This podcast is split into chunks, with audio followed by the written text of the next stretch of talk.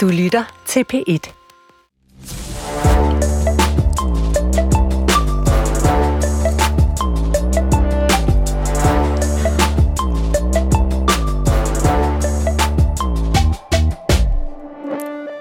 Mange af os vil ikke bare huske, hvor vi var, da dronning Margrethe holdt sin historiske nytårstale.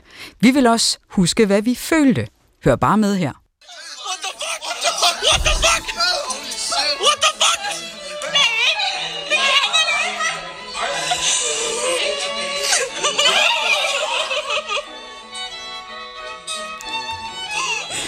Sørine, hvordan, øh, hvad føler du?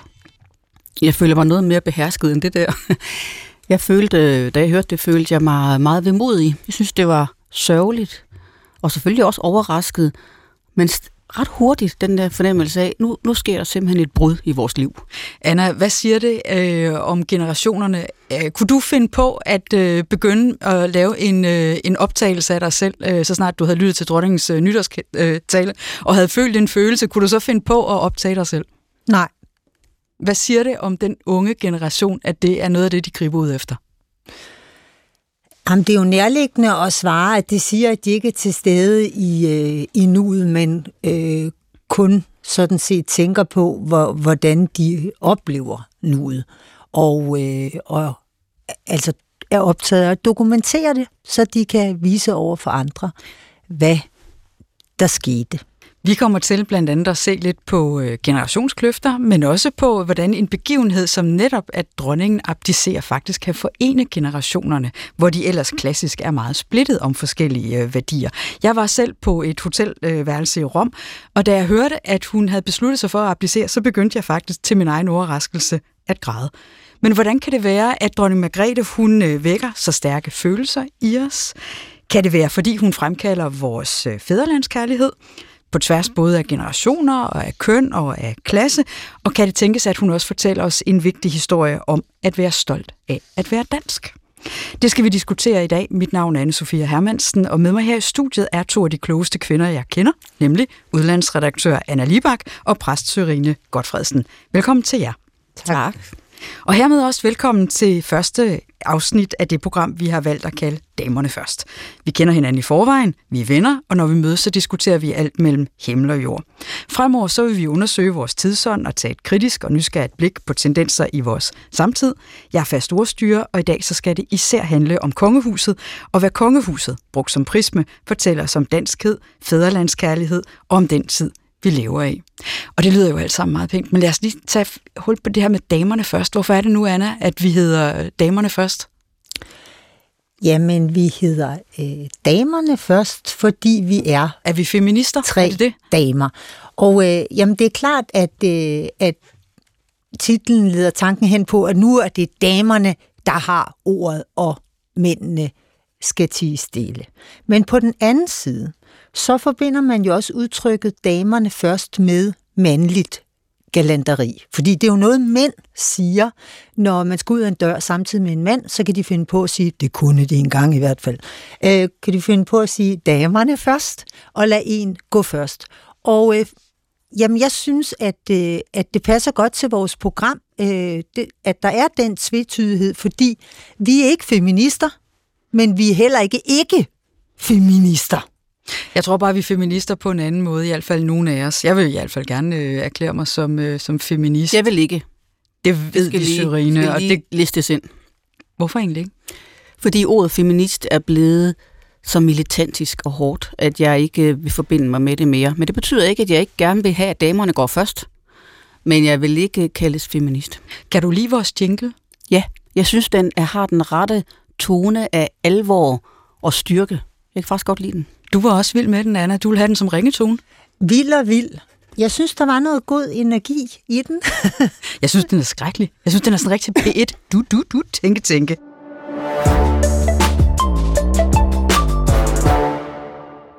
Men før vi øh, skal tale mere om dronningen, om fædrelandskærlighed og om danskhed, så skal jeg lige høre jer. Hvad optager jeg lige nu? Hvad sidder du med, Anna?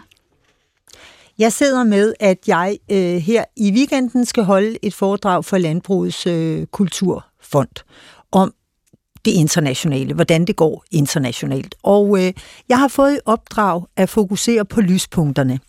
Øh, så det har optaget mig en del, fordi umiddelbart synes der ikke at være øh, ret mange af dem, vel? Kan du altså ikke Ukraine, øh, Gaza, det røde hav. Jamen det, som øh, jeg er blevet hjulpet af, det er, at vi jo i Vesten altid øh, forudser, øh, forudsiger katastrofer. Øh, vi er optaget af øh, de broer, der styrter sammen, og ikke dem, der ikke øh, styrter sammen. Og det vil sige, at jeg er gået tilbage og har set på, ved det sidste årsskifte, hvad forventede man så? Og der er rigtig mange øh, af de slemme ting, man forventede sig, som øh, heldigvis øh, ikke øh, har materialiseret sig. For eksempel talte man om øh, en økonomisk recession, men øh, man sagde, at i USA ville den blive mild, i øh, Europa øh, hård. Jamen, den, den udblev, og man kan ikke huske energipriserne, at øh, man, man regnede med, at de virkelig ville øh, eksplodere, og måske ville vi ikke have nok energi til at bringe os gennem øh, vinteren.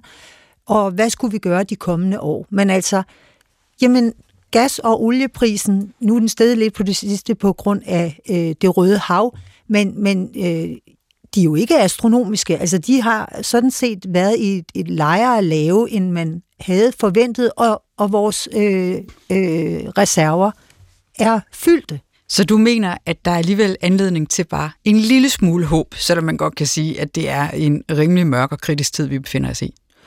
Ja, jeg tror, at, øh, at pessimisme øh, kan være en selvopfyldende øh, profeti. Altså det kan ende med, at, øh, at det går i opfyldelse, hvis man kun forventer sig, at der sker noget dårligt. Og derfor så er det meget vigtigt, at, øh, at man holder fast i håbet. Man skal også huske, at pessimisme er en luksus, man ikke kan tillade sig.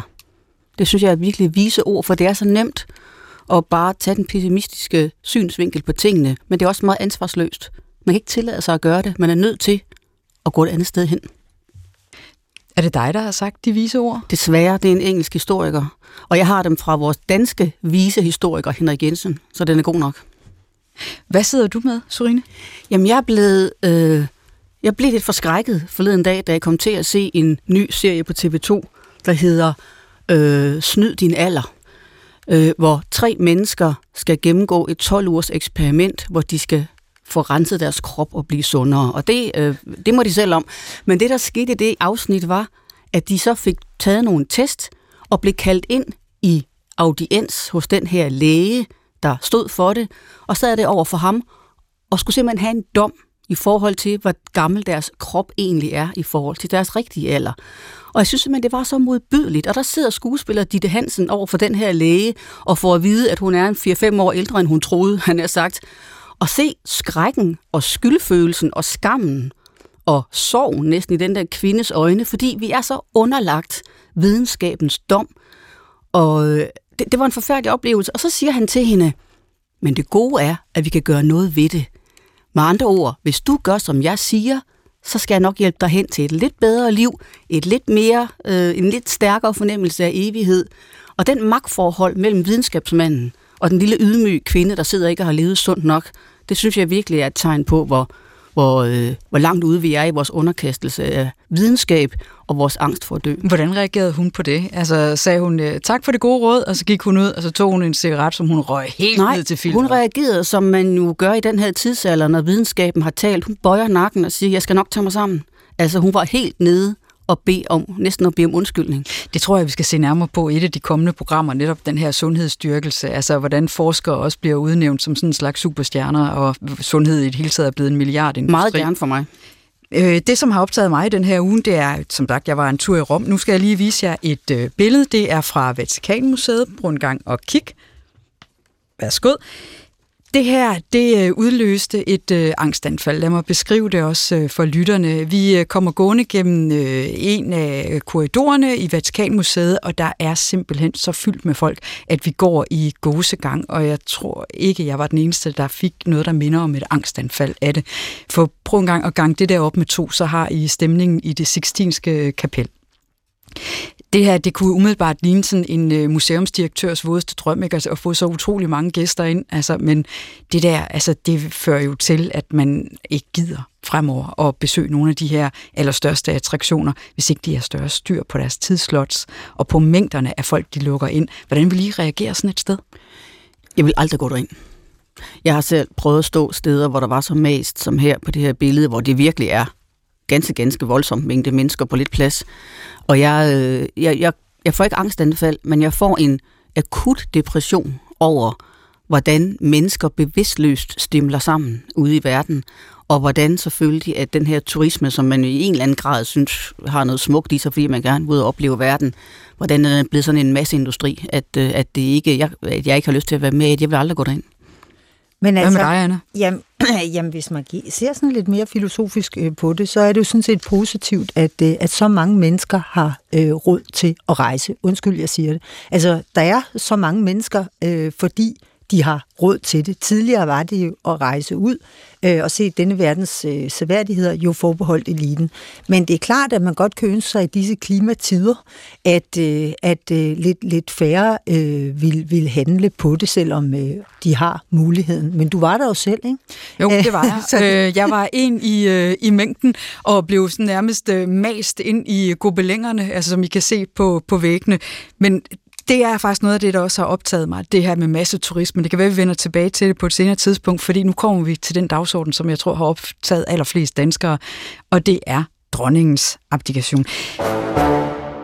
Hvordan øh, har I det generelt med øh, kongehuset? Altså, fordi nu nævnte jeg det indledningsvis, at jeg til min egen overraskelse havde sådan en oplevelse både af sorg og af omsorg, også over for majestæten. Jeg må indrømme, at jeg så hende lidt, jeg fik sådan en oplevelse ligesom fra øh, Return of the Jedi i Star Wars-trilogien, den oprindelige Master Yoda, der nærmest resinerer, og jeg ved godt, at det kan virke som et, en upassende sammenligning, men jeg blev øh, rørt og, øh, og det er egentlig en ting, som overraskede mig selv, fordi jeg er gået fra at være superrepublikaner til pludselig at se mig selv som monarkist.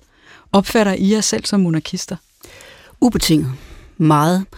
Da jeg var ung, var jeg øh, ikke så optaget af det, men der sker det, når man bevæger sig ind i tilværelsen, at man øh, både får en større og større længsel efter at mærke, at et eller andet er tidløst, og at man også kan få en større og større længsel efter at øh, stå i forhold til noget, der er noget andet end en selv. Og nu skal jeg nok lade være at trække den helt ud det teologiske endnu, men bare lige øh, sige, at kongehuset for mig er sådan en, en vidunderlig konstant i mit liv.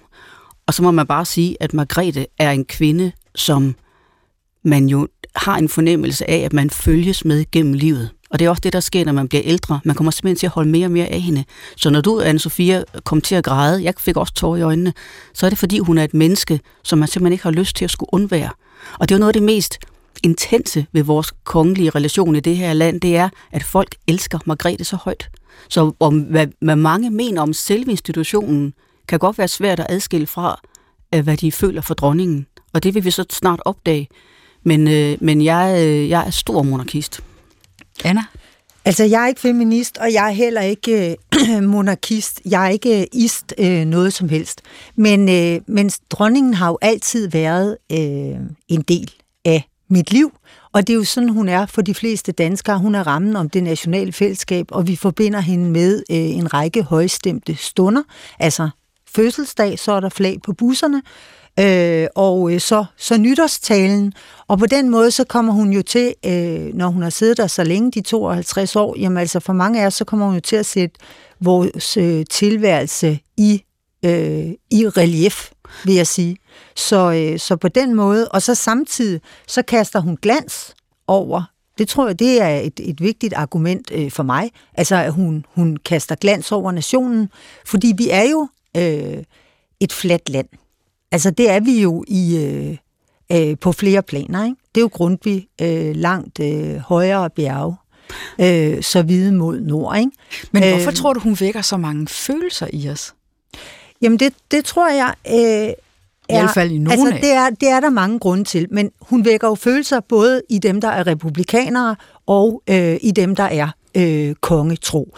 Så hvis man og, og så, så, så en grund, og den er ret øh, prosaisk, den er jo at øh, at dronningen ikke er lige for loven. Altså hun indtager en særstatus. Det gør øh, regenten. For eksempel, hvis hun røver en bank, eller hvis øh, dem, der tilhører kongefamilien, gør det, øh, eller de, øh, de Tager en stjæler... tur over Storebæltsbroen? Øh, ja, så, øh, så har de immunitet. Altså det er regenten, der afgør, hvad der skal ske, og det er jo også grunden til, at hun var så optaget af at tage titlerne fra øh, Joachims øh, børn. Det er jo fordi, at det nytter ikke noget, for mange har den øh, immunitet.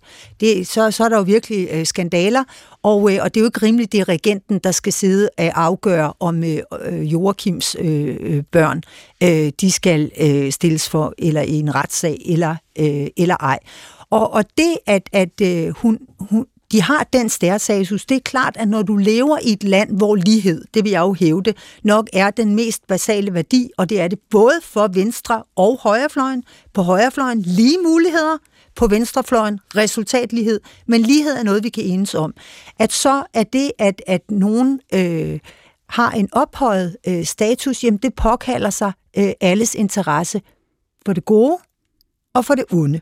Og jeg hører til dem, som øh, elsker kongefamilien for at, øh, at kaste øh, glans over øh, os øh, alle sammen og give os en ramme øh, og have et, øh, et, et fællesskab og være forbundne med hinanden indenfor. Men jeg kunne godt tænke mig at dybe dybere, dybere ned i det her med, hvorfor, vi, hvorfor det vækker så mange følelser. Fordi i det indledende klip, der hørte vi jo så nogen, det er jo fra den unge generation, som er i gang med at optage sig selv, så snart de har en følelse. Det vil du aldrig gøre, Surine, det vil du heller aldrig gøre, Anna, det vil jeg ved Gud heller aldrig nogensinde gøre. Men det er interessant alligevel, at det bliver så emotionelt et anlæggende. Har du et bud på det? Hvorfor er det Jamen, sådan, jeg har masser af bud, og jeg tror, at hvis man skal starte lidt, øh, øh, begynde sådan lidt i det, i, det, i det værtslige, så tror jeg, at det her med, at dronningen, dronningen er en modsigelse af rigtig meget af det, vi får fortalt fra vi er små i det her land. Blandt andet får vi fortalt, at vi kan blive lige, hvad vi vil, og at vi bestemmer over vores eget liv. Og det ved vi alle sammen, det er en byrde lige så meget, som det er en gave, fordi det kan være meget svært at finde ud af, hvem man er, og, og i det hele taget øh, afstikke sin egen kurs i livet. Og der tror jeg, at der er en helt umådelig stor identifikation med et menneske, som ikke må alt det, som ikke må vælge selv, som ikke kan øh, beslutte, hvad hun selv vil i sit liv, men bare er sat til en opgave. Og det er så befriende og så betryggende at opleve, det er et menneske, der rent faktisk kan håndtere det. Hun kan godt finde ud af at adlyde og tage en opgave på sig og udføre en pligt. Jeg tror, en del af kærligheden til dronningen hænger sammen med, at vi simpelthen er taknemmelige over, at hun kan gøre alt det, vi andre ikke selv kan finde ud af. Så det Eller... tror jeg er en del af det. Og så tror jeg altså virkelig også, at dronningen, og det er jo mit lille bitte beskedende ønske, at hendes efterfølger også i en eller anden grad vil forholde sig til de åndelige dimensioner i livet. Det vil vise sig, men dronningen er indlysende åndeligt religiøst interesseret. Det, udlæ- det, det kommer til syne i hendes måde at leve på. Hun går i kirke og så videre og så videre, og det forplanter sig i hendes sprog. Så når dronningen taler til os, taler hun til os i et sprog, vi ikke ellers hører. Der er ikke ret mange, der taler, som hun gør. En ting er, at hun bruger andre ord. Hun kan være højtidelig, uden at det er pinligt. Og så sætter hun hele tiden ord på det, som er noget andet end det, vi er omgivet af. Vi skal ikke præstere. Vi skal ikke være fascineret af videnskaben endeløst. Hun, sætter, hun trækker hele tiden mennesket ud af den øh, tsunami-agtige bevægelse, vi er i i samfundet i øvrigt, og siger, nu skal du høre, lille dig, dansker, der er noget andet, der er vigtigt. Nu trækker du dig ud et øjeblik, sætter dig her sammen med mig, og prøver at mærke, hvad det vil sige at være menneske. Det er meget det, hun siger til os, synes jeg. Og derfor bliver folk taknemmelige over, at der stadig findes et menneske, der taler til os på den måde. Fedt udtrykt. Nå, Anna? Jeg synes også, at hun har, øh, hun har gjort det godt. Og, øh, og det har hun jo ikke øh, mindst gjort ved at, øh, at være så beskeden, som hun er. Fordi øh, sagen er den, at hun er i centrum. Og øh, alle ved det. og derfor, når en person, der er øh, i centrum, underspiller sig selv øh, på den måde, så øh, det har man respekt for. Og det kom jo til udtryk ved hendes, øh, hendes nytårstale, hvor der gik lang tid. Hun holdt en ja, altså, man, man troede sådan set, at nytårstalen var ved at lagt mod inden, da hun så pludselig, altså sådan parentetisk bemærket går hun også af. øh, og det, det, det, det, var, øh, det var rigtig øh, smukt. Men, men øh, jeg, jeg, jeg synes, at øh, Altså, det, var, det var flot, det Surine sagde om, øh, sagde om hende, men, men samtidig vil jeg sige, at man skal passe på ikke at overgøre mennesket, øh, Margrethe. Altså med hensyn til sproget, undskyld, jeg nævner det, men i 2017, øh, der, øh, det var på det tidspunkt, hvor hun sagde, øh, tak til alle de, i stedet for tak til alle dem. Og det gjorde hun hele talen igennem, og det betød, at året igennem, altså jeg sidder og læser folks artikler ikke? Øh, som, øh, som redaktør, så troede alle, at det var sådan, man skulle skrive, når der altså ignorerede øh, præpositioner fuldstændig. Ikke? Så jeg hun godt har huske den debat, der var om det, og der er også en, der har anført nu, at hun øh, begik fire sprogfejl. Nu må man sige, at vi diskuterer noget lidt mere. Grammatik er også væsentligt, men det er trods alt med et lidt større historisk vingesus, det her med, at hun går af. Ja, men må jeg ikke godt have lov til at sige, at når jeg ikke bryder mig om, at man helgenkår hende, så er det fordi, at jeg synes, at hendes søn også skal have en chance. Det vigtige her er embedet. Det vigtige er kontinuiteten. Det, at du har en kongefamilie, som øh, har været der siden Gorm den Gamle og Harald Blåtand. Det er stort. Jeg skal altså lige sige noget, Anna, fordi øh, jeg, jeg, jeg overgør ikke mennesket. Så har du misforstået mig. Fordi at, at hun har et anderledes sprog, Dermed siger jeg ikke, at hun taler altid grammatisk korrekt, og jeg siger heller ikke, at hun har et sprog, som er fuldstændig helgenagtigt vidunderligt. Jeg siger, at dronningen taler på en anden måde end rigtig mange andre mennesker i det her Helt land. Sikkert. Og det gør hun blandt andet, fordi at hun øh, har en reference gennem alt det, hun foretager sig, og gennem sit åndsliv. Og hun gør det også, fordi hun kan tillade sig det, fordi hun ikke har fingrene nede i noget. Så, og jeg er helt enig med dig, man skal ikke helgenkår dronning Margrethe. Man skal aldrig nogensinde overgøre et almindeligt menneske af kød og blod. Det er embedet, der er vigtigt.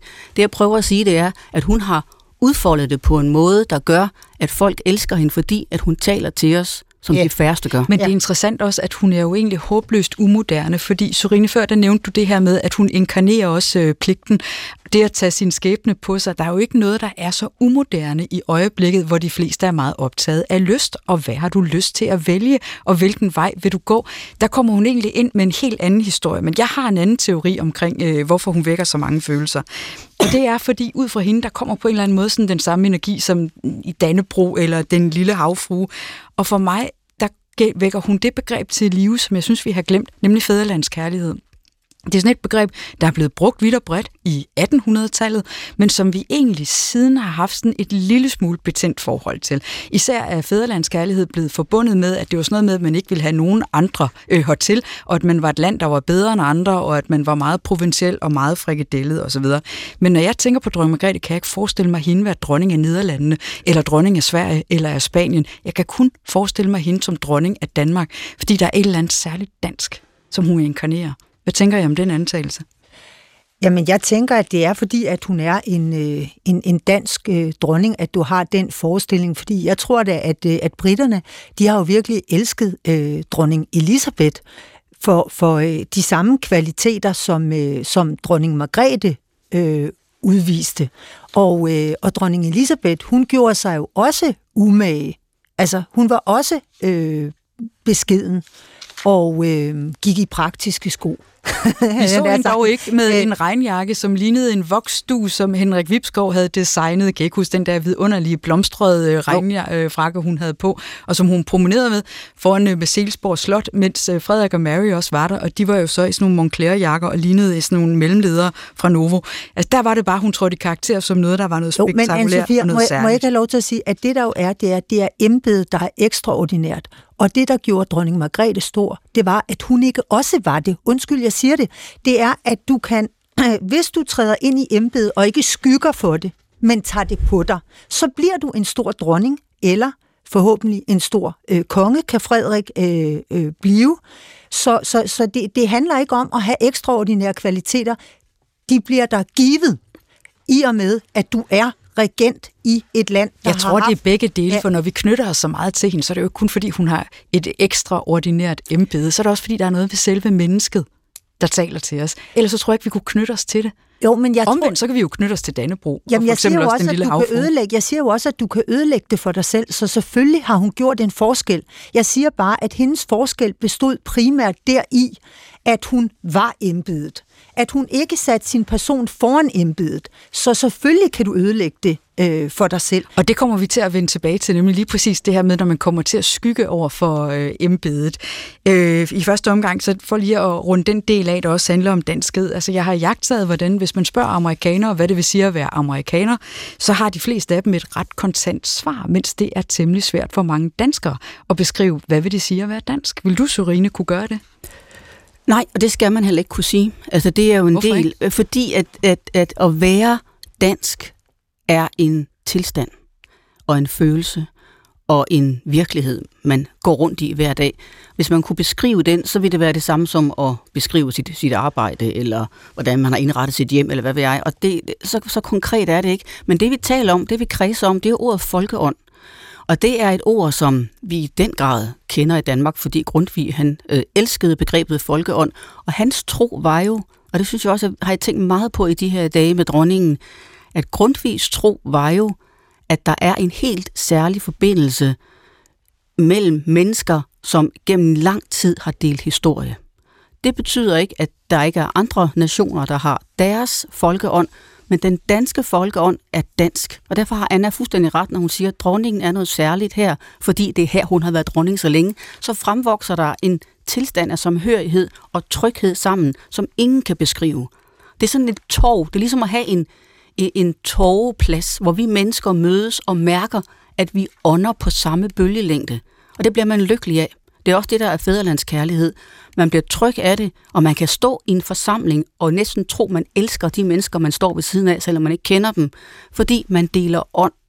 Og der er altså et eller andet på spil i en lang historie, og øh, dronningens historie er efterhånden meget lang, rent personligt også, at der vokser simpelthen folkeånd op omkring hende, og det kan vi mærke. Og det er også derfor, vi elsker hende. Det er derfor, vi får tårer i øjnene. Vi får dybest set tårer i øjnene over vores fællesskab, det og gør ikke, og ikke hende som person. alle i midlertid ikke, for nu vil jeg gerne spille et klip for jer med en, der ikke mener, at dronning Margrethe udtrykker noget dansk i hvert fald. Jeg er ikke sikker på, hvad han mener om folkeånd, men i hvert fald ikke noget dansk. Prøv en gang og lyt med. de kan man sige, skåltaler, der nu lyder om, at hun ligesom har repræsenteret de sande danske værdier, de folkeværdier, det er jo altså en illusion og grundlæggende noget vrøvl, fordi altså, hvis der er noget For konge... dig. Jo, men altså, hvis vi tænker igennem, hvad det er, vi opfatter som sådan, altså, øh, rodfæstet dansk folkekultur, mm. så er det jo øh, ligeværdigheden. Så er det, øh, at der er en kort magtdistance, at man ligesom kan tale magten imod. Og kongehuset har jo historisk mildt talt repræsenteret noget andet, og det gør dronning Margrethe jo også. Så, så forestillingen om, at hun i dag skulle repræsentere noget sådan urfolkeligt, det synes jeg er en, en fortrængning. Jeg synes, det er fint nok, at man i respekt mm-hmm. for hende og de år, hun har siddet på, på, på tronen, at man, man taler øh, høfligt og pænt om hende. Men jeg synes også, det er værd at bemærke den øh, kaotiske faktor, det er, at det nu er kronprins Frederik, som gang på gang har vist en meget, meget svag og vaklende fornemmelse for at skelne mellem det politiske og det ikke-politiske.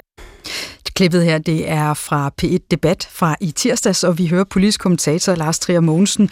Har han ikke en pointe i, at øh, noget af det, som vi betragter netop som øh, særligt dansk, nemlig øh, ligeværdighed, ligheden, den korte magtdistance, netop ikke kendetegner dronning Margrethe og dermed også kongehuset som sådan, Anna? Øh, jo, det har han, øh, det har han øh, fuldkommen øh, ret i. Men øh, flere ting kan jo godt være øh, sande øh, samtidig. Og øh, som jeg sagde, så, øh, så er en bærende værdi i Danmark, jamen det er, øh, det er lighed. Helt, helt sikkert. Men danskerne føler sig også øh, som et folk. Og det, som øh, dronningen hun personificerer, det er kærligheden til Danmark. Og jeg tror også, at øh, Claus, øh, eller hvad hedder det, Lars, Lars. Trier Mogensen, vil give mig ret øh, i, at danskerne elsker deres land. Øh, og det, dronningen, vi, kommer, vi udtrykker det øh, ved at ære øh, dronningen. Altså, øh, det er jo sådan, at øh, hvad skulle vi have i stedet for en dronning? eller en konge. Lars Trier Mogensen vil jo medgive, han vil jo gerne have, at der skal være nogen, der repræsenterer os flot udadtil. Ja, så skulle vi have en præsident, øh, for eksempel. Ja, og hvem skulle det i så ja, fald men være? det er jo ikke så meget det. Det er, jo, det er jo mere det, at, at i så fald, så vil du have, at dem, der havde den reelle politiske magt, dem, der faktisk har magt, og ikke bare symbolsk magt, de vil både have den symbolske og den reelle øh, øh, reelt politiske magt. Det vil ikke være dansk. Det er ikke dansk, hvis dem, der rigtig bestemmer i landet, bor på slotte og palæer og færdes på bonede gulve. Nej, det er netop dansk at holde det adskilt. Så vi beundrer dem, for at vise vores kærlighed til fædrelandet, men uden at de har reel magt. Deri består det særligt danske. God pointe. Du skulle have været med i PET-debat, altså for også at, at give lidt modstand. Omvendt så lyttede jeg til debatten og synes faktisk, det var egentlig rart, midt i den her sød suppe, som der altså har præget mediebilledet, siden hun meddelte, at hun ville abdicere, hvor den ene efter den anden har hyldet hende, og det synes jeg også, der er meget rigtigt i. Jeg er også øh, kæmpestor fan, men det er rart også af til at have en diskussion, der kan være en lille smule kritisk. Vi hører mig også sige, Sørine, at øh, kronprins Frederik ikke har været god til at skelne mellem det politiske og det ikke-politiske. Og senere i klippet, øh, senere i udsendelsen, der har han nævnt altså både hans engagement i den øh, internationale olympiske øh, komité, og han nævner også nogle forskellige andre øh, sager. Og man kan jo også fremdrage, at kronprinseparet har været ude og stille sig i spidsen, for eksempel også for Copenhagen Pride, altså og LGBTQ-rettigheder osv.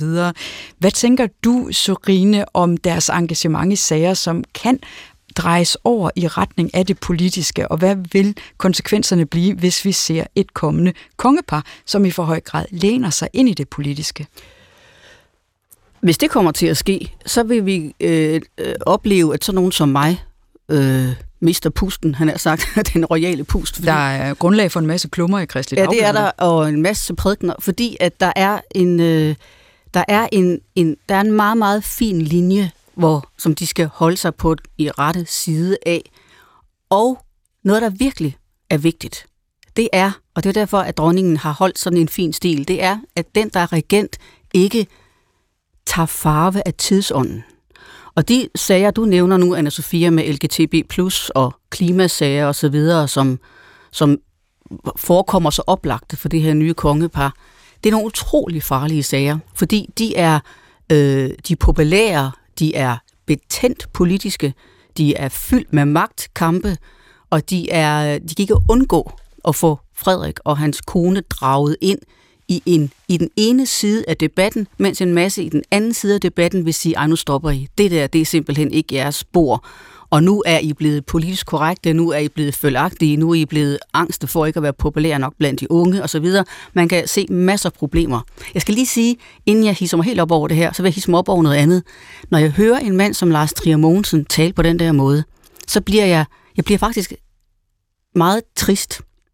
Og det er ikke, fordi han ikke har ret til at mene, hvad han mener. Det er, fordi han er i den udtalelse eksponent for noget, der mangler i det her land, og det er simpelthen evnen til at tænke dialektisk. Det er en skandale, og det er frygteligt, at der er så mange mennesker, der ikke kan, lidt som Anna var inde på, antage to sider på samme tid, to sandheder på én gang. Det er som om den ene overbevisning, man har, skal jævne alting med jorden og fjerne alt det, der modsiger, at nej, vi lever af modsigelser. Og dronningen og kongehuset, monarkiet, er en pussy modsigelse af alt det, vi i øvrigt lever i. Og det kan danskerne gudskelov godt rumme, fordi at de elsker hende højt, og det har vi været inde på. Men den måde, Lars Trimonsen taler på, den vil jævne alt med jorden og gøre alt nivelleret og fladt og ens.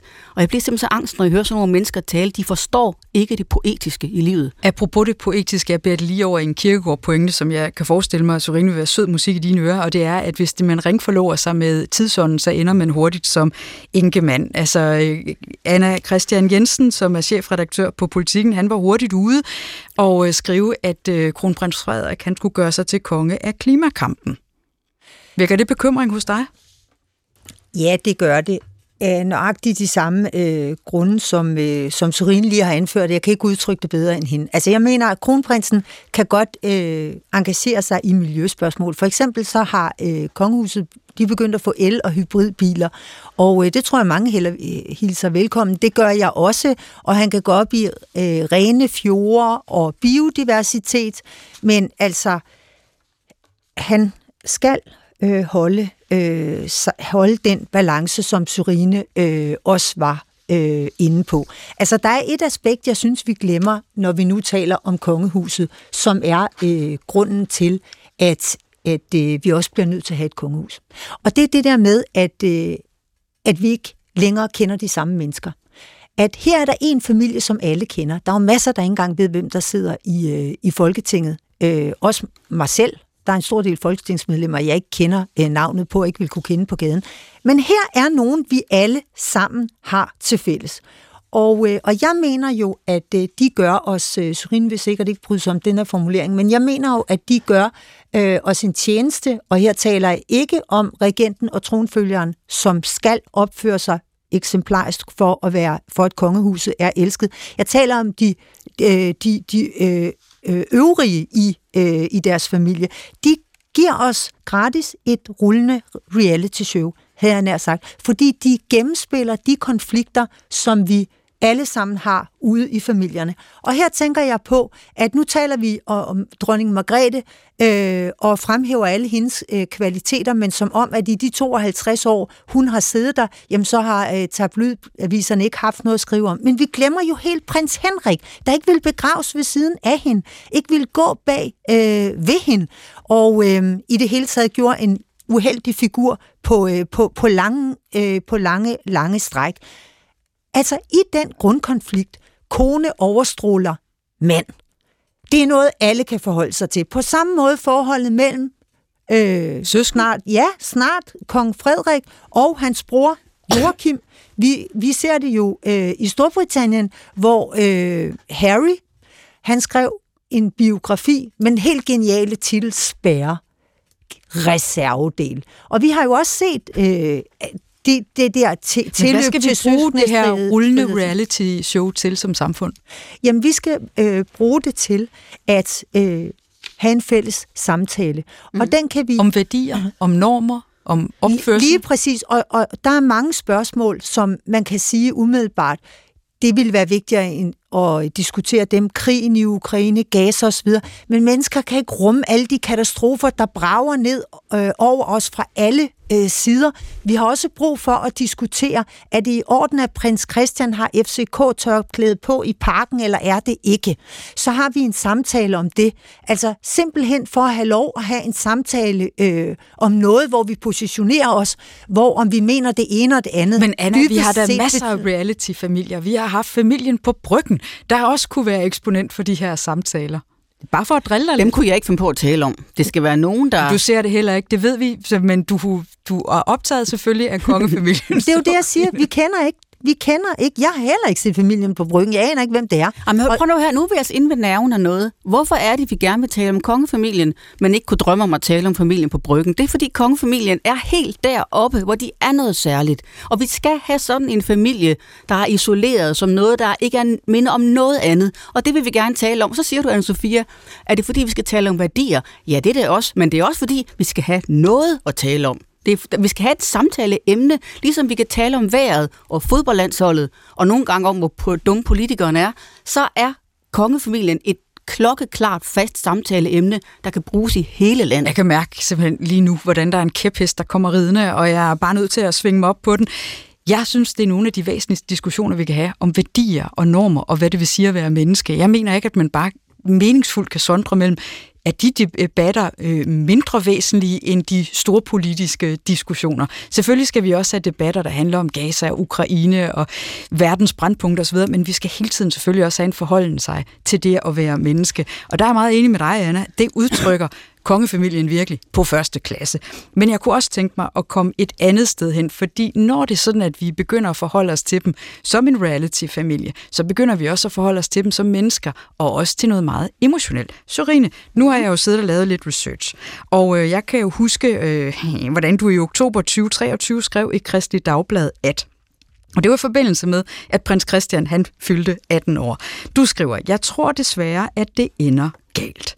Efter i denne weekend at have fulgt med i fejringen af prins Christians 18-års fødselsdag på DR1 og TV2, sidder jeg tilbage med fornemmelsen af, at monarkiet nærmer sig en udløbsdato. Du skriver også, at problemet er, at prins Christian nogle år, om nogle år kan blive den regent, der som den første fanges fuldtonet i en mentalitet med selvfremstilling som ophøjet kvalitet.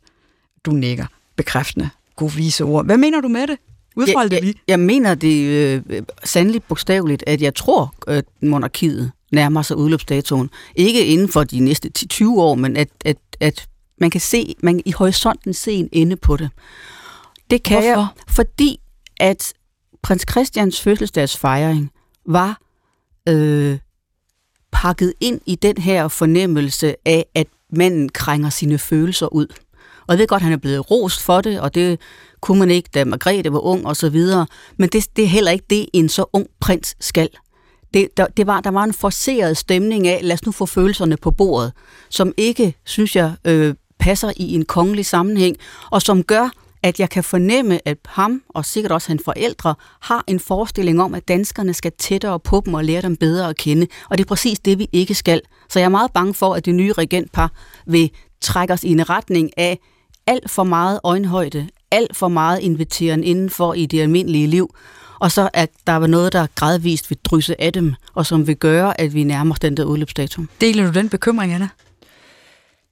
Ikke nødvendigvis. Altså, det er sådan, så øh, den tidligere australske premierminister Malcolm øh, Turnbull, han forsøgte at øh, arrangere en folkeafstemning i Australien og få afskaffet monarkiet. De har jo også øh, Storbritanniens Charles den 3. Øh, som, øh, som overhoved. Og øh, det lykkedes ham ikke, selvom meningsmålingerne øh, tidligere havde vist, at, øh, at, at de gerne ville afskaffe det. Så øh, til, ved selve folkeafstemningen, nej, de ville ikke af med det. Øh, og så gik han ud og konkluderede, at kongelige kontroverser, sagde han, det er ikke en, en fejl, det er en funktion. Netop fordi de øh, binder os øh, sammen. Og jeg er enig med Sørine i, at øh, der er grænser for den pointe. Altså det ser vi for eksempel i Spanien, den tidligere ekskonge Juan Carlos, der jo rendte rundt med elskerinder på elefantjagt og havde hemmelig konti i Schweiz, det kan blive forbruget, særligt hvis det gælder regenten og tronfølgeren, som vi taler om her, prins Christian. En anden ting, jeg husker, øh, Sorine har skrevet, hvor jeg øh, også tænkte, hold op, hun er modig, og hvor er jeg enig Øh, jeg, havde bare, jeg ville bare ikke tur og skrive det selv. Det var, jeg kan huske en gang, at øh, jeg ved faktisk ikke, om det var øh, dronningen eller det var kronprins øh, Frederik, der havde givet et interview, hvor du så efterfølgende sagde, at det kan også blive for banalt. Det kan simpelthen blive for banalt. Hvis man ikke har noget på hjerte, eller ikke har mulighed for at udtrykke det simpelthen, fordi at øh, der er så øh, strikse rammer for, hvad øh, man må sige, hvis man er medlem af kongefamilien, så bør man måske tige. Og der vil jeg øh, sige, at øh, det er jeg øh, enig øh, med dig i, hvilket, og det er fordi det bekræfter min pointe om, at det, der betyder noget, det er embedet at lade med betydning, uanset hvem der er i det. Så det, man kan, det er, man kan næppe tilføje det det store, men man kan ødelægge det for sig selv. Så jeg er helt enig med dig i, at de må aldrig nogensinde, heller ikke prins Christian, gå rundt selvfedt og tro, at det er dem, der gør Nej. forskellen. Men prins Christian, han blev ellers meget rost for at være ægte og for at være sårbar. Jamen, det er fordi, vi lever i en ulyksalig tid, hvor vi tror, at det i sig selv er en kvalitet at blotte sit følelsesliv. Hvis man gør det, så får man at vide, at man er modig, og man er progressiv, og man øh, er i kontakt med sig selv osv. Og, og rigtig meget af menneskets følelsesliv er jo også banalt. Meget af det, prins Christian sagde, er fuldstændig banalt, men fordi det er en ung prins, der siger det, så bliver det ophøjet til at være noget helt fantastisk. Så, så jo mere prins Christian bliver rost for at gå ud og blotte sit følelsesliv, jo mere bekymret skal vi være. Er vi gået fra fælles sang til fælles gråd, når man ser på de øh, reaktioner, det her det har øh, afstedkommet? Vi indleder jo også programmet med at afspille et klip, det er fra TV2 Eko, der havde øh, klippet en hel masse TikTok-reaktioner sammen. Hvad jeg glæder mig, jeg glæder mig til kong Frederik. Det må jeg ærligt indrømme. Altså, jeg synes, at det, det initiativ, han har taget med Royal Run, det, synes, det er over 50.000 øh, mennesker, der øh, deltager i det. Jeg overvejede at melde mig, men der er allerede udsolgt. Læg mærke til, at selvom manden jo godt kunne arrangere øh, at, at vi skulle, skulle tage en Ironman, så er det ikke det, han har gjort. Det er en kort distance, eller der er vist flere distancer, men man kan nøjes med at lunde 5 kilometer. Så det er et folkeligt foretagende, og mange af dem, der løber, løber for første gang. Og det, det, altså, det er uprætentiøst. Det er noget, der samler øh, mennesker. Øh, og, Serena, er du en af dem, der ja, jeg kommer til at løbe? Jeg kommer ikke til at løbe, men jeg er øh, noget, der er ved prins Frederik, som jeg synes er en oplagt opgave for ham. Det er at være repræsentant for, at mennesker skal få børn. Manden har fået fire børn, det er herligt, og vi lever i en periode, hvor rigtig mange mennesker efterhånden ikke vil have børn. Og det er da et kolossalt problem. Apropos, Hvordan er man repræsentant apropos, for, at vi skal få flere børn, apropos, udover at man jo har eksemplets magt? Og alt det at være i en nation, den, det står og falder med, at der bliver født nogle børn. Det er man da ved, at man taler om, hvor vigtigt det er at stifte familie. Og konge, den kongelige tradition er fuldstændig indlejret i dette, at familien skal føres videre. Og det har han gjort med stor stil. Og jeg synes, at den største, en af de største opgaver, Frederik har, det er at inspirere sine undersåtter til at få nogle børn. Så ikke kongen af klimakampen, som Christian Jensen ellers drømmer om, og måske her også kongen af sport, den er du sådan set med på, Anna, men også kongen af familien. Kongen Hvad med af kongen af, familien? kulturen? Det var det, dronningen ligesom også havde, havde sat sig på. Altså, jeg vil sige, at kongen af Danmark, det er nok for mig.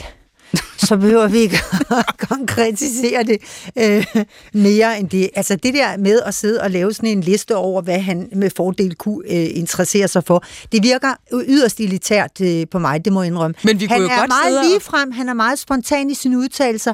Folk siger, han kan ikke finde ud af at, øh, at formulere sig. Det har jeg også øh, selv hørt nogle taler, hvor jeg heller ikke synes, han shinede. Men jeg tror, at det bliver en kæmpe fordel for ham, fordi sagen er den, at fordi de er rige og privilegerede, og fordi at øh, ligeværdighed er en, en dansk værdi, som vi talte om, så har vi blikket stift rettet mod dem, og medierne leder efter bekræftelse på, at de rige har det ærligt talt heller ikke for sjovt.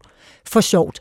Og at de problemer og den kritik, man kan rette mod ham, der er det ikke at have orden i talegaverne. Det er ærligt talt ikke det værste, man kan blive anklaget for. Så hvis han i øvrigt holder sig på dydens øh, altså smalle sti, gør os alle sammen ære, så skal han være velkommen til øh, at kludre i den. Jeg synes, det er en væsentlig diskussion, hvad det er, vi skal øh, have, hvorfor vi har et kongehus. Og der, jeg kender de historiske grunde og forskellige andre ting, men også, hvad det er, de skal repræsentere. For jeg kan jo se, det er en tendens, særligt også efter Lady Diana kastede sig over alt fra landminer, altså til øh, AIDS-ramte, til kræftsagen osv., at kongelige i højere og højere grad finder en mening med sig selv i at stille sig i spidsen for noble sager. Noble sager, som så også skal have den her meget politiske vinkling. Derfor synes jeg, det er relevant at beskæftige sig med. Men afrundende, øh, jeg synes også lige, vi skal se på mediedækningen. Alle medier nærmest er jo brustet med kongehuskommentatorer og kongehuskorrespondenter osv. Og vi ved, at noget af det, som de ikke kommer til at få, det skrev Søren Schulz Jørgensen også i politikken her den anden dag, det er en presse, der måske er lige så positiv over for dem, som dronning Margrethe har haft. Hvad kommer det til at betyde for kongehuset, at hvert et skridt vil blive overvåget fra øh, de stiller sig, eller sætter sig selv på tronen her den 14. januar? Hvad tænker du om det, Sorine? Umiddelbart, når du siger presse og medier og kongehus, så får jeg sådan en kvalmeagtig følelse indeni. Og det er fordi, at det er, selvfølgelig skal det dækkes, og det er historisk i de her dage, men der er en forlorenhed omkring journalister, der dækker kongehuset, og en bukken og skraben og sådan en læflende tone, som jeg simpelthen ikke, slet ikke kan magte. Der er et eller andet uværdigt ved at være journalist og dække kongehuset i dag, desværre. Og det, og det, det er et paradoks, fordi på, vi har, nu har vi siddet her og talt om, hvor vigtigt det er at have den institution, men den er næsten umulig at dække journalistisk. Og næsten alle dem, der gør det, de kommer til kort, fordi de for det første alt sammen siger det samme, og fordi de får den der, de får den der ydmyge og slæske attitude, når de gør det. Og det, øh, jeg synes, det er ganske forfærdeligt at overvære. Så eller de bliver for kritiske, hvor det måske nærmest går over i både infantilisme eller i en mangel på respekt også for det paradoks, som institutionen indebærer. Ja, det kan man sige, og, og det er klart, at, at det, det kommende regentpar vil blive, vil blive øh, jaget og, og, øh, og øh, undersøgt i alle indre kanter, men tror jeg, tænkte jeg også på forleden, da det her emne kom op, ikke mere end de har været hidtil. Jeg tror, at de er rimelig godt rustet til at, at, at takle det, og jeg tror, de har midt i alt deres stræben efter at komme i øjenhøjde med folket, tror jeg også, de har nogle ret indøvede taktikker i forhold til, hvordan de takler medierne. Det ved jeg egentlig ikke, om jeg er enig med dig i, fordi sagen om Herlufsholm viste jo faktisk, hvordan pressen er begyndt at gå meget mere direkte og aggressivt til dem.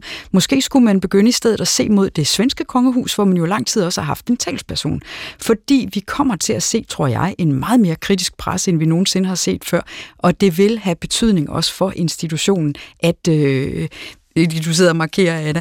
Jeg gør det lige færdigt. Øh, det vil have en betydning for institutionen, at de bevarer en form for magi, eventyrlighed, distance og ikke går ind i øh, alt for mange øh, banaliteter og klammerier. Hvad siger du, Anna? Jamen, det er bare fordi, du sagde det svenske øh, kongehus, og så er det, jeg kommer i tanke om Carl Gustaf, og jeg tænker på de stripklubber, han har været på, og øh, alle hans affærer, og så tænker jeg på, at øh, han kom for skade og siger, at han synes, det var rigtig synd, at øh, kronprinsesse Victoria, hun skulle overtage tronen. Det var synd for lillebroren. Han blev haft lillebroren.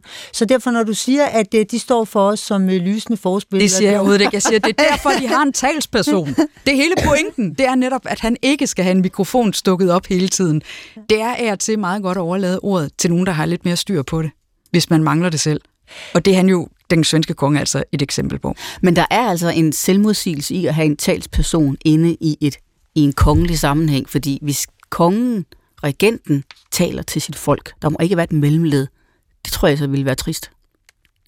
Det bliver det sidste ord i, øh, i øh, vores diskussion om øh, kongehuset. Jeg kan forestille mig, at den her diskussion den også kommer til at køre videre, for den er så langt fra slut.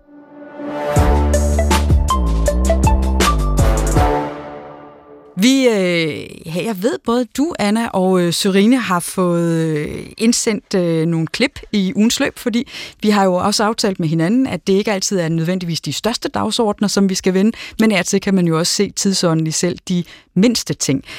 Og øh, vi skal høre et af klippene nu.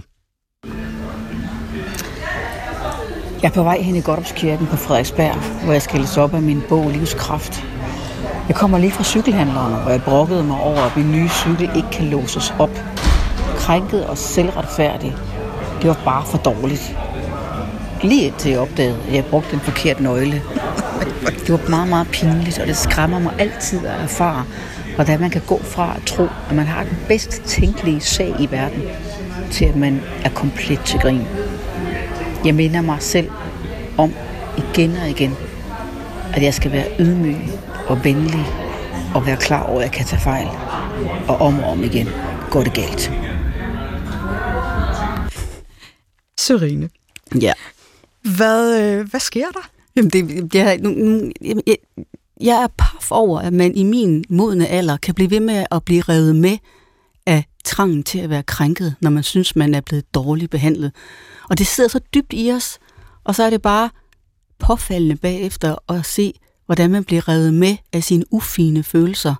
Og så er det bare, øh, så er det dommen fra oven, der siger, fjols, du havde ikke engang ret. Synd tappert. Men det ligner ellers ikke dig at være sådan optaget af krænkelser. Det, jeg Nej, synes egentlig, men det er jo præcis det, der er så skræmmende ved det. modsatte. Fuldstændig, men jeg må bare erkende, at krænkelsesdyret sidder simpelthen lige under overfladen derinde. Så når vi taler om civilisation, det er bare neglelagt på bæstets klør, og hele tiden stikker sit øh, hoved frem, så er det samme med krænkelseskulturen, den har selv øh, besat din krop. Krænkelsen er et af de følelser, mennesket allerhelst vil træde ind i. Det er derfor, emnet er så vigtigt også, når man er... Men hvorfor er det egentlig ikke blandt dødssynderne? Altså, så man øh, undgår at, det, at være for krænket? Ja, det kunne det også være, og det er nok fordi, at det er en, måske en, krænk, en følelse, der har fået endnu mere medvind i moderne tid, for den kunne godt være en dødssynd, fordi den gør os voldsomt uschammerende. Interessant, altså, fordi der er jo den der, hvad vil den læne sig op af af dødssynderne? Fordi det er rigtigt, det er en moderne dødssynd, og hvordan er det? Den læner sig op af hovmod. Jeg vil sige, at hovmodet er jo den øverste af de syv dødssynder. Så mange gange, når man kommer på en følelse, man ikke synes er på listen, så kan man proppe den ind i hovmodet. Og det kan man også med krænkelsen, fordi, og det var det, der skete med mig inde i cykelhandleren. Jeg var så krænket over, at min cykel ikke kunne låses op, at jeg følte mig berettiget til at gå ind og nærmest og sætte den der cykelhandler på plads. Det er hovmod. Og så fik du så en besked for oven. Anna, du er også stødt på noget i ugens løb. Lad os prøve at høre et klip fra dig. Hallo, jeg står på Vesterbrogade ved den store Føtex, Hallo. der som bekendt har et kæmpe stort ur på toppen. Klokken er 9.41, men det er den altså ikke på uret. I efterhånden rigtig mange uger har det ur vist lidt i halv 11. Det utrolige er, at lige over for Føtex ligger der en urmager. Den har også et stort ur, der vender ud til gaden. Og hvad er klokken her? Der er den halv to. Jeg ved ikke, hvad jeg skal sige. Begge uger har vist forkert i utrolig lang tid. Det går mig på dagligt, og det eneste, jeg kan glæde mig over, det er, at fordi klokken nærmer sig 10, så vil der ikke gå så forfærdelig lang tid før, at Føtex-uret i det mindste på et tidspunkt i dag får ret. Ja, altså, så kunne jeg godt tænke mig at være inde i din hjerne. Altså bare et par timer, når du går gennem verden, og så de refleksioner, der kommer ud af det. Har du overvejet måske at gå ind til urmageren, og så sige, prøv at høre, du kan jo ikke altså, med respekt for dig selv have et ur, der går forkert? Nej, altså jeg har faktisk tidligere øh, brugt øh, urmanen, men det er jeg ophørt med, fordi at de har holdt op med at sørge for, at uret går rigtigt. Det er jo tydeligvis en dårlig reklame. Ja, det må man sige. Og jeg forstår godt den der fornemmelse af, af noget, der så nemt kunne ordnes, og som ser så mærkeligt ud. Det undrer også tit mig, når der er ting, der, der, der øh, ikke passer. Jeg har også øh, indsendt et klip, for jeg har et lille rant, og det her det er også en af mine øh, klassiske kæpheste. Prøv en gang at høre med. Jeg går rundt i parken omkring Villa Borghese, for jeg er i Rom, og det er dejligt, og det er 16 grader. Jeg er jagttager, hvilket jeg godt kan lide. Der er masser af statuer i parken. Det er altid en god ting. Og de er alle sammen af mænd. Lige undtagen en, som er en kvinde. Hun har ikke særlig meget tøj på, man kan se hendes brystvorter, og hun har ikke noget navn. Det er der ikke noget usædvanligt i, for sådan bliver kvinder åbenbart fremstillet, mens mænd har navne, prægnante ansigter og selvfølgelig altid er påklædt og har udrettet en masse ting. Mit spørgsmål er, hvorfor er det altid sådan? Sådan er det nemlig også i Danmark. Ja, hvorfor er det altid sådan? Fun fact, i København er der flere statuer af dyr end af kvinder. Altså, min forklaring er jo nok, at vi skal frem til 1970, øh, før kvinder fik lov til at betale skat af deres øh, egen indkomst. 1970, siger jeg bare. Og derfor, anne Sofia, så har det jo været sådan, at, øh, at, at øh, kvindernes øh, domæne, det var hjemmefronten, og at dem, der gik ud og præsterede på alle mulige områder, det var mænd. Og, øh, og det vi jo hedrer, det er folk for at gøre en, øh, en, en særlig forskel øh, jamen inden for øh, videnskab, øh, politik, hvad ved jeg. Den er jeg med på, men du ved jo også, Anna, at der er masser af prægnante kvinder, som jo ikke bare har ventet på, at kvinder også begyndte at betale skat. Altså for eksempel har vi jo haft nogle virkelig badass, interessante dronninger. Tænk dig bare på begrebet den første. Kalmarunionen, strategisk begavelse ud over det sædvanlige. Hun har en statue i Roskilde, og den er midt i et kryds. Der synes ja, jeg godt, vi kunne gøre det bedre. Men jeg vil også sige, at nu er jeg, jeg er ikke feminist, som er blevet slået fast, men at, øh, at det, Anne-Sophia har jo en pointe. Det er jo påfaldende så få kvindelige statuer, eller statuer af kvinder, der er i Danmark, på trods af, at vi jo også har nogle store forfattere og skuespillere, man dybest set kunne opføre statuer af. Så, øh... Karen Bliksen, nu kommer der snart en af Grevinde Danner. Jeg tror, den bliver 6 meter høj og står ved søerne. Det bliver meget spændende at se, hvordan den så kommer til at se ud. Jeg har set tegningen, det ligner altså sådan en eller anden pandekagefigur, eller noget, der er klasket sammen i, øh, i formning. Men øh, det her det er egentlig et emne, som jeg kan forestille mig, at vi også kommer til at øh, vende tilbage til. Kære lyttere, hvis I også har brug for at få luftet noget, så send os en mail med en lydoptagelse. Så tager vi det med her i studiet og tager en snak om det. Det kan være store ting, det kan være små ting. Ofte er det sådan, at man kan finde store sandheder selv i små ting. Send os en mail på damerne Tilbage er der bare at sige tak for i dag. Det var dejligt at se jer. Anna, Sørine, og jeg synes, vi skal slutte af med maner. Gud bevarer Danmark. Gud bevarer jer alle sammen. Vi høres ved i næste uge.